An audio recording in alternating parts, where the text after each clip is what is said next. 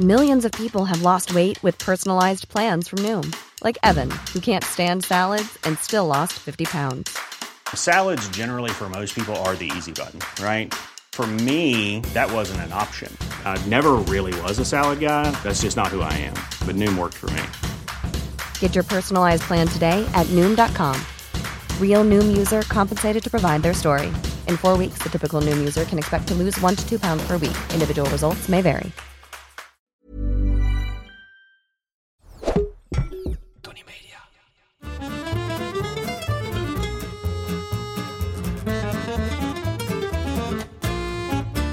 Ik ben Julius Jaspers en ik ben meer dan dol op eten.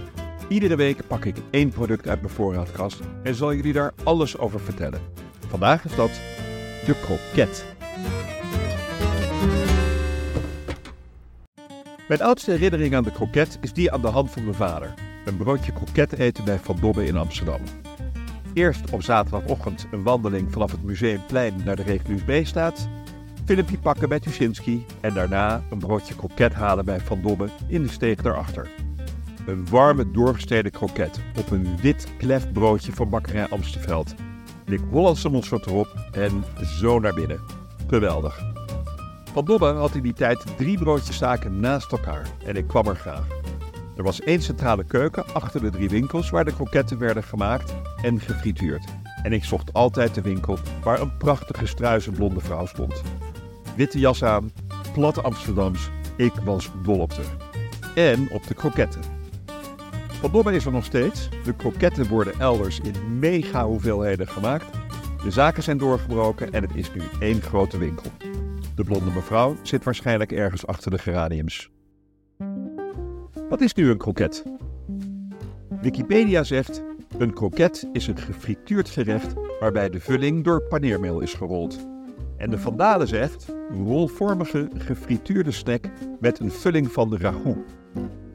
De basis van een kroket, net zoals een bitterbal, is een roux. Je weet wel, zacht gegaarde bloem en boter, die tot een ragout, de salpicon, wordt gemaakt met behulp van een vleesbouillon. Vervolgens wordt er vlees aan toegevoegd, van origine rund- of kalfsvlees, maar je hebt tegenwoordig ook allerlei exoten, waarover later meer. De ragout wordt na bereiding teruggekoeld. Daar worden staafjes van gedraaid en die worden door eiwit en broodkruim gerold. Een paar minuten frituren en even laten uitlekken op een stukje keukenpapier en klaar. Ze is waarschijnlijk, althans volgens Johannes van Dam, uitgevonden in Frankrijk rond 1705. Het was François Maschalot, de kok van zonnekoning Lodewijk XIV, die er voor het eerst over schreef in Le Cuisinier Royal et Bourgeois. De kroket zag er toch nog uit als een ei en werd zonder bechamelsaus gemaakt en gefrituurd in reuzel. Inderdaad, niervet van het varken. Bechamelsaus, moet je weten, is de basis van een goede salpicon, de ragout waar je kroketten van maakt. Het oudste Nederlandse recept van de kroket dateert uit 1830 en is in 1850 door de kok van koning Willem I toegevoegd aan het kookboek Moderne Kookkunst van Maria Hazenbroek. Ze dienden oorspronkelijk als restverwerking van vlees en werden later, begin 20e eeuw, ook wel geserveerd als tussengerecht in een menu, na de soep en voor het pièce. Pas na de Tweede Wereldoorlog werd de kroket van chic tussengerecht omhoog getild, of moet je eigenlijk zeggen gedegradeerd, tot snack.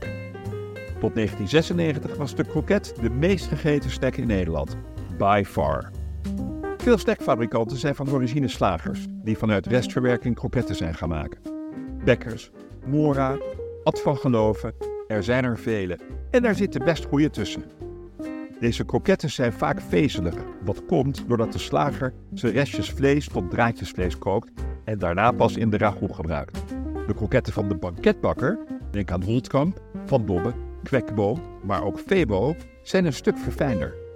Geen draadjesvlees, maar mooie blokjes van rund- of kalfsvlees dat speciaal voor het kroketten maken werd ingekocht. Vroeger kocht je de kroket dus voornamelijk bij de slager of de bakker.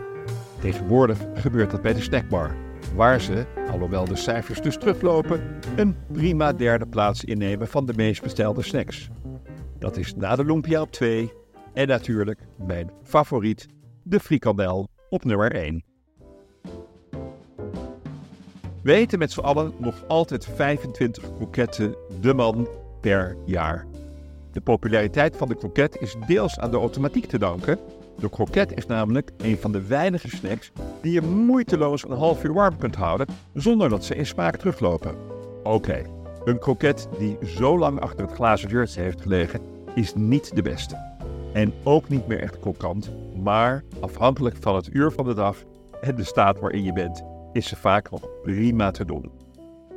In Nederland denk je bij een kroket direct aan de vleeskroket. In de landen om ons heen, denk bijvoorbeeld aan België, zijn de kroketten eerder van aardappel. Er zijn vele varianten op de vleeskroket, zoals de goulashkroket, de saté-kroket, de aardappelkroket, de eierkroket, kaaskroket, garnalenkroket, aspergekroket, groentekroket en natuurlijk, ik zou hem bijna vergeten, de winterkroket. Opgebouwd uit zuurkool met aardappel, rookworst en stukjes ananas. Ik ga nog liever dood. Nee, dan de garnalenkroket. En dan die van Holtkamp. Met een salpicon op basis van bouillon van de schalen van de grijze garnalen. En met een paar hele garnalen erdoorheen. Niet te veel. Een drupje citroen eroverheen en een paar stukjes gefrituurde krulpiet. Waanzinnig. De aanvraag van vandaag, en die gaat niet over hammen over kroketten, komt van Scotty Boy. Beste Julius, wat is de gekste kroketvulling die je ooit hebt gegeten? Nou, Scotty, dan moet ik echt heel erg diep graven. Want zoals je misschien gehoord hebt, ik ben dol op kroketten. Dus als ze ergens op de kaart staan, uh, dan neem ik ze. Maar uh, pauwentongen, rhino's, rhinocerosvoeten en zwijnenbillen heb ik nog nooit gedaan.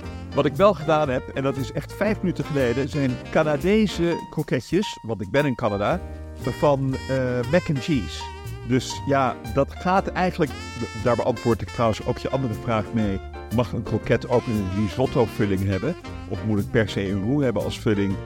Die vraag beantwoord ik ook, want arancini zijn natuurlijk de bekende Italiaanse risotto kroketjes, risotto bitterballetjes. Uh, dus dat kan wat mij betreft best. Je kunt prima een kroket van iets heel anders maken. Deze zijn gemaakt van mac and cheese. Ze komen zo uit de vriezer van de supermarkt. Het was oké, maar ik denk als je het zelf maakt van mac and cheese wat je over hebt de volgende dag, dat het super lekker is. Succes! De kroket heeft nodige rellen op zijn naam staan. Zoals er in 1996 de krokettenmotie.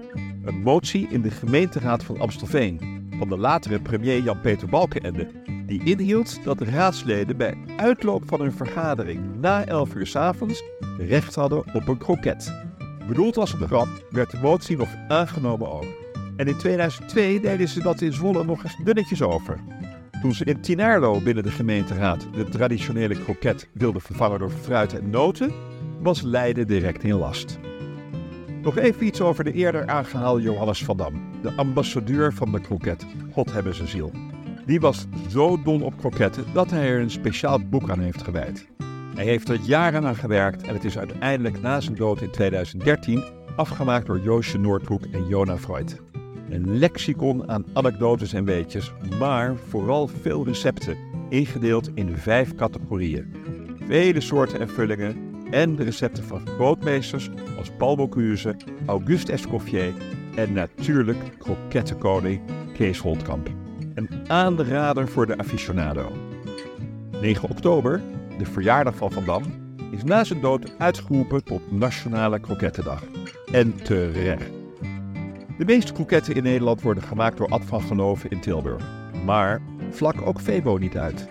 De Amsterdamse snackmarketen, opgericht door Johan Isaac de Borst in 1941 aan de Amstelveense weg, is beroemd geworden door zijn kroketten, die nog steeds dagelijks vers worden gemaakt en daarna worden verdeeld over ruim 75 vestigingen. Overigens staat Febo voor Ferdinand Bol, de straat waar de borst als knecht het vak heeft geleerd. Ik moet zeggen, de kroketten van Holtkamp vind ik nog steeds de aller allerbeste. Maar een kroketje van de Febo en dan ouderwets uit het luikje, ik kijk wel altijd even of de luikjes net zijn gevuld, is ook helemaal prima. Er wordt wel eens chic over gedaan, maar kroket schrijf je gewoon met een K. K-R-O-K-E-T. Maar ik vind het prima dat Holtkamp het met een C en een Q schrijft. Die chique uitstraling verdienen ze. Het woord kroket komt van het Franse knabbelen, croquet. Proef trouwens ook een keer de Amersfoortse kroket van Vlaams Friethuis van Gogh, waar eigenaar Arn bizar goede kroketten maakt van vacuüm gegaarde rundernek. Mijn vriend, de Dutch foodie, zegt dat het het beste van Nederland zijn. Let wel, een goede salpicon, de officiële naam van de krokettenragout, maakt nog geen goede kroket. De juiste panade, het paneermeel rondom zeg maar, is heel belangrijk. Maar de temperatuur en de kwaliteit van de olie is ook van levensbelang. Dan de frituurtijd, het kort laten afkoelen, het is nog een heel gedoe. Maar een perfecte kroket, ik doe er een woord voor. Wil je zelf een keer kroketten maken? Begin dan eens met een kaaskroketje. Gewoon om het gevoel te krijgen. Ik maakte ze met kraan bij Topchef met Old Amsterdam. Niet direct onze favoriete kaas, maar dat was de opdracht vanuit RTL. Het werd uiteindelijk een prima dingetje, wat ook standaard op het menu bij de kookfabriek staat. Klik op de link in de beschrijving van deze aflevering voor het recept. Dat was hem over kroketten. Zeker niet alles, maar best wel wat. Wil je meer weten over iets in je voorraadkast? Stuur me dan een berichtje via Instagram. Of ik weet het al, of ik zoek het voor je uit. Maar ik geef altijd antwoord. De volgende keer heb ik het over feiten. Dag! Even when we're on a budget, we still deserve nice things. Quince is a place to scoop up stunning high-end goods for 50 to 80% less than similar brands. They have buttery soft cashmere sweaters starting at $50, luxurious Italian leather bags, and so much more. Plus, Quince only works with factories that use safe, ethical, and responsible manufacturing. Get the high-end goods you'll love without the high price tag with Quince. Go to quince.com/style for free shipping and 365-day returns.